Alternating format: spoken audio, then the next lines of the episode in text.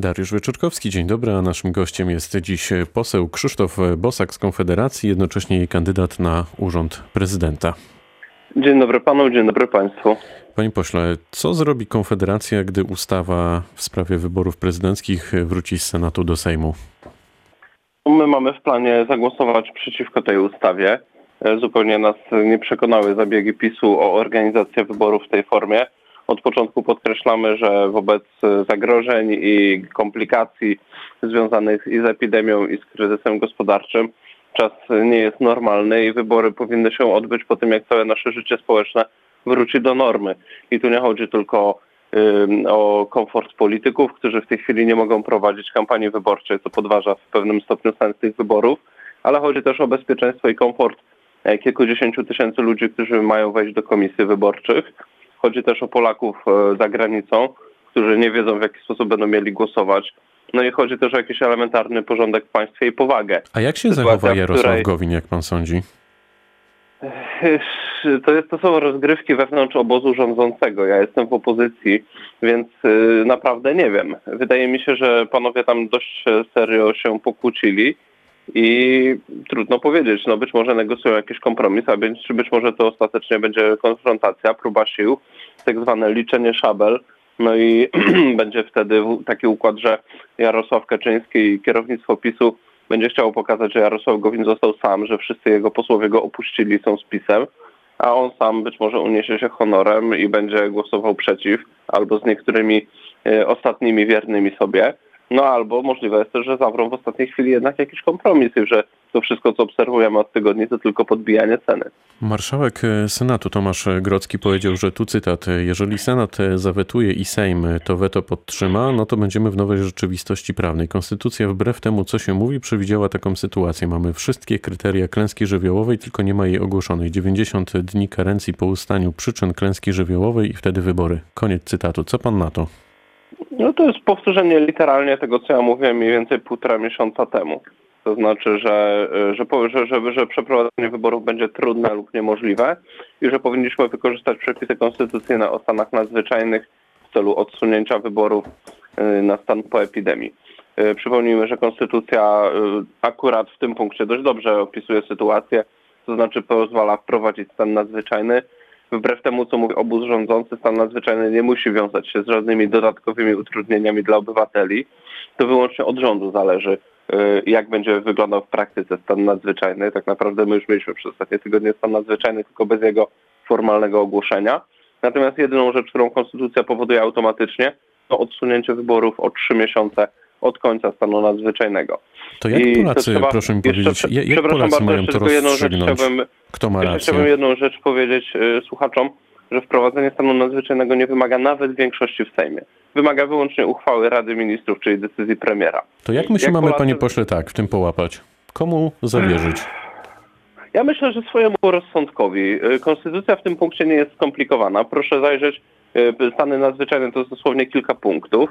Y, przyjęcie takiego założenia, że tylko wtajemniczeni prawnicy albo politycy rozumieją konstytucję, a zwykły obywatel nie, ja odrzucam takie podejście. Y, sam nie jestem prawnikiem, często zaglądam do konstytucji, jak się chcę w czymś zorientować i co do zasady moja interpretacja, ewentualnie jeszcze krótka konsultacja i, I z reguły się okazuje, że mam rację. To no pan, ma bardzo takie, sprawie... pan ma bardzo takie romantyczne podejście e, do polityki. Praktyczne, panie redaktorze, praktyczne. To znaczy, ja, jeżeli demokracja ma jakikolwiek sens, to musimy wierzyć w to, że konstytucja jest zrozumiała, że obywatele co do zasady rozumieją, co się dzieje w państwie.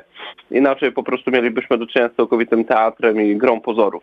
Natomiast kiedy... ja bardzo uważnie obserwuję wypowiedzi e, polityków obozu rządzącego i ministrów z kancelarii prezydenta I z przykrością muszę stwierdzić, że moim zdaniem oni regularnie wprowadzają opinię w błąd, bo oni przy każdej wypowiedzi mówią yy, trzy rzeczy. Po pierwsze, że przesłanki konstytucyjne nie są spełnione do wprowadzenia stanu nadzwyczajnego. Moim zdaniem i większości prawników to jest po prostu nieprawda. Druga sprawa, którą mówią, to że jak zostanie wprowadzony stan nadzwyczajny, to grożą nam jakieś wielkie odszkodowania. To jest nieprawda, to nie wynika w żaden sposób z konstytucji, z ustawy o odszkodowaniach też nie.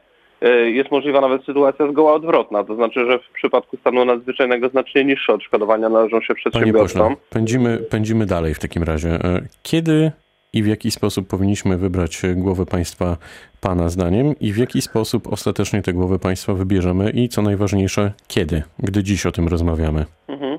Wariant optymalny moim zdaniem to byłby taki, e, kiedy mm, po pierwsze już jednoznaczne jest, że skończył się czas zagrożenia, bo wiadomo, że ten nowy typ wirusa będzie sobie gdzieś tam krążył.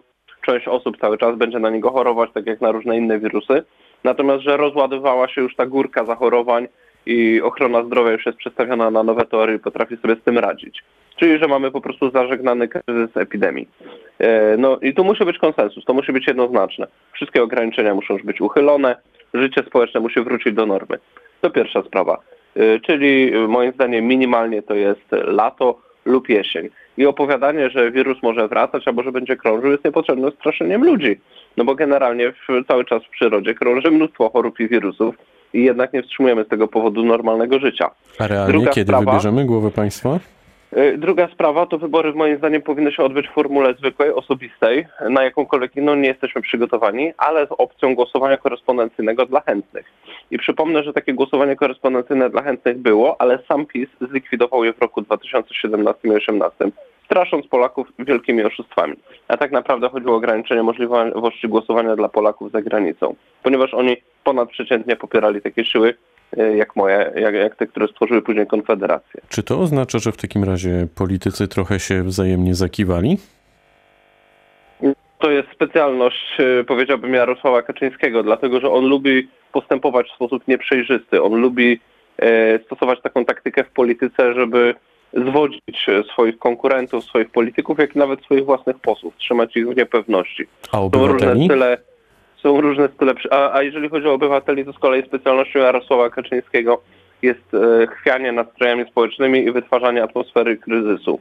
Nie wiem, czy słuchacze pamiętają, ale ja byłem posłem 15 e, lat temu w Sejmie. Pamiętamy, panie pośle, doskonale. Taka, nie, nie chodzi mi o to, że ja byłem wtedy, tylko co się w Sejmie wtedy działo. Mam na myśli sytuację jeszcze przed powstaniem rządu Jarosława Kaczyńskiego, a kiedy był rząd Kazimierza Marcinkiewicza. Wtedy w Sejmie mieliśmy dość podobne rozgrywki. Y, zawieranie tak zwanego paktu stabilizacyjnego, ogłaszanie, że on się rozpadł, czy jest nieaktualny, y, przystępowanie do negocjacji, najpierw z Platformą, później z Samoobroną, z LPR-em, zrywanie koalicji, podawanie rządu do dymisji, przed, przedterminowe wybory.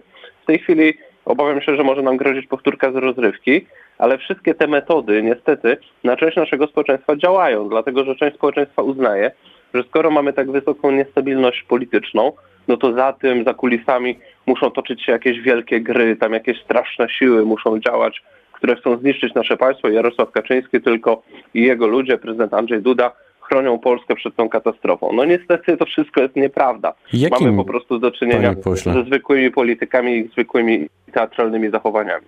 Jakim prezydentem byłby Krzysztof Bosak, gdyby miał pan wymienić krótko trzy najważniejsze punkty programu, w zasadzie tak po jednym zdaniu? Stałbym na straży suwerenności naszego państwa. Nie pozwoliłbym na przesuwanie jakichkolwiek nowych kompetencji na poziom międzynarodowy, bo to nam po prostu nie służy. Stałbym na straży swobód obywatelskich e, i wolności gospodarczej. To bardzo ważny punkt naszego przekazu. PiS przesunął się całkowicie w lewo na pozycje wręcz socjaldemokratyczne. Ja tutaj jestem po stronie e, wolnościowej i konserwatywnej. No i stałbym na straży tradycyjnych wartości. Uważam, że nasze społeczeństwo musi e, bazować na swojej własnej kulturze, a nie kopiować różne rozwiązania ideologiczne z Zachodu. Tym bardziej, że Zachód często pogubił się po prostu. E, no i takie rzeczy, jak tam się dzieją w tej chwili, czytałem, że w Wielkiej Brytanii na przykład są kontrowersje, czy robić operację zmiany płci dzieciom jeszcze przed okresem dojrzewania i w tak zwanym konserwatywnym rządzie ktoś tam się buntuje, że jednak chyba te dzieci krzywdzimy. A Oni byłby, zupełnie już pogubili rozum. A byłby pan prezydentem wszystkich Polaków? Starałbym się i takie jest zadanie prezydenta, że ma reprezentować całe społeczeństwo i całe państwo. Oczywiście nie wszyscy będą w tym samym stopniu zadowoleni, to jest niemożliwe. Jesteśmy zbyt zróżnicowanym narodem i wszystkie narody zresztą są wewnętrznie zróżnicowane, ale trzeba się starać okazywać wszystkim szacunek. Dlatego też w trakcie kampanii wyborczej e, staram się więcej mówić pozytywnie, a mniej krytykować, nie oceniać e, różnych grup obywateli czy czy nawet nie obywateli, bo przecież mamy też w Polsce mnóstwo w tej chwili imigrantów. Uważam, że po prostu czas y, y, kampanii wyborczej prezydenckiej to nie jest czas na to, żeby właśnie przekaz negatywny dominował, tylko żeby starać się y, też szczególnie w trudnej sytuacji Ja myślę, że kryzysu, przekaz powinien dominować przede wszystkim prawdziwy, e, a nie, nie wybiórczy. Jest pan za pozostaniem tak, Polski... Tylko, tylko, że mówiąc y, właśnie, nie da się nigdy przedstawić całej prawdy. My z reguły w mediach mamy po 10 minut i zawsze trzeba podjąć bardzo trudne decyzje, o czym mówić, a co uznać za mniej istotne. I to No to na jeszcze jeden konkret, panie pośle. Jest pan za pozostaniem Polski w Unii Europejskiej i pogłębianiem współpracy? E, Uważam, że polską racją stanu nie jest robienie w tej kwestii żadnej rewolucji, a w szczególności nie jest robienie rewolucji przez mniejszość przeciwko większości. Ja jestem eurosceptykiem, zawsze byłem. To znaczy uważam, że Unia Europejska nie tworzy dobrych ram współpracy europejskiej. Uważałem, że to jest projekt, który poszedł w złym kierunku. Natomiast wiem, że większość społeczeństwa uważa inaczej ja tą opinię większości szanuję i jakby jeżeli wygram wybory prezydenckie, to nie będę na pewno walczył z większością polskiego społeczeństwa, które chce w Unii pozostać. Skupię się na obronie polskich interesów e, w ramach tej struktury. A co z naszymi sojusznikami? Jak pan widzi współpracę z Amerykanami i czy na przykład możliwe jest ocieplenie stosunków e, z Rosjanami? Rosja prowadzi politykę zaczepną, arogancką, więc ja bym tu na żadne ocieplenia nie liczył.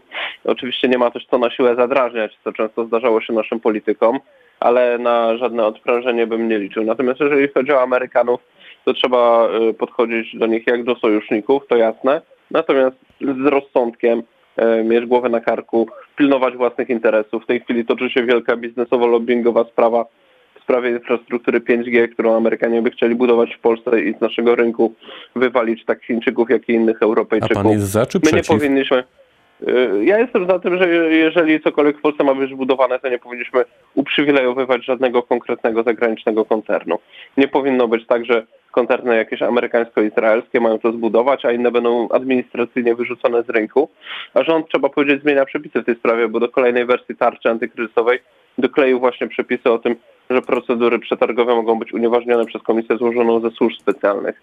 Więc widać y, po prostu, że tak naprawdę to, co ważne, dzieje się za kulisami. My ciągle gadamy o tych wyborach, a tam wielkie interesy za kulisami idą i, i, i niestety obecny rząd bardzo ulega Amerykanom. Ja uważam, że Amerykanie są naszymi sojusznikami, musimy z nimi współpracować w kwestiach obronności, natomiast nie znaczy, że mamy dawać się kolonizować gospodarczo. Mamy pół minuty. Kogo ewentualnie poparłby pan w e, ewentualnej drugiej turze? No to jest bardzo trudne pytanie, bo to jest pytanie, które do kandydata y, na prezydenta zakłada w implicite może, m, jego porażkę. Ale jest Ja pan do mężczyzną. Jest pan Ja twardy. chcę wejść, panie redaktorze, do drugiej tury, dzieli mnie kilka punktów procentowych od Szymona Hołowni. Szymona, który płacze nad konstytucją. Uważam, że to nie jest kandydat na prezydenta, który nie potrafi kontrolować swoich emocji. Y, I uważam, że byłbym dobrym konkurentem w drugiej turze dla Andrzeja Dudy po to, żeby z nim wygrać i dać dobrą alternatywę wyborcom o poglądach patriotycznych czy konserwatywnych. Powiedział poseł Krzysztof Bosak z Konfederacji, który był gościem rozmowy Dnia Radia Wrocław. Bardzo dziękuję za spotkanie. Dziękuję bardzo serdecznie, pozdrawiam słuchaczy z miasta, w którym trzy lata mieszkałem.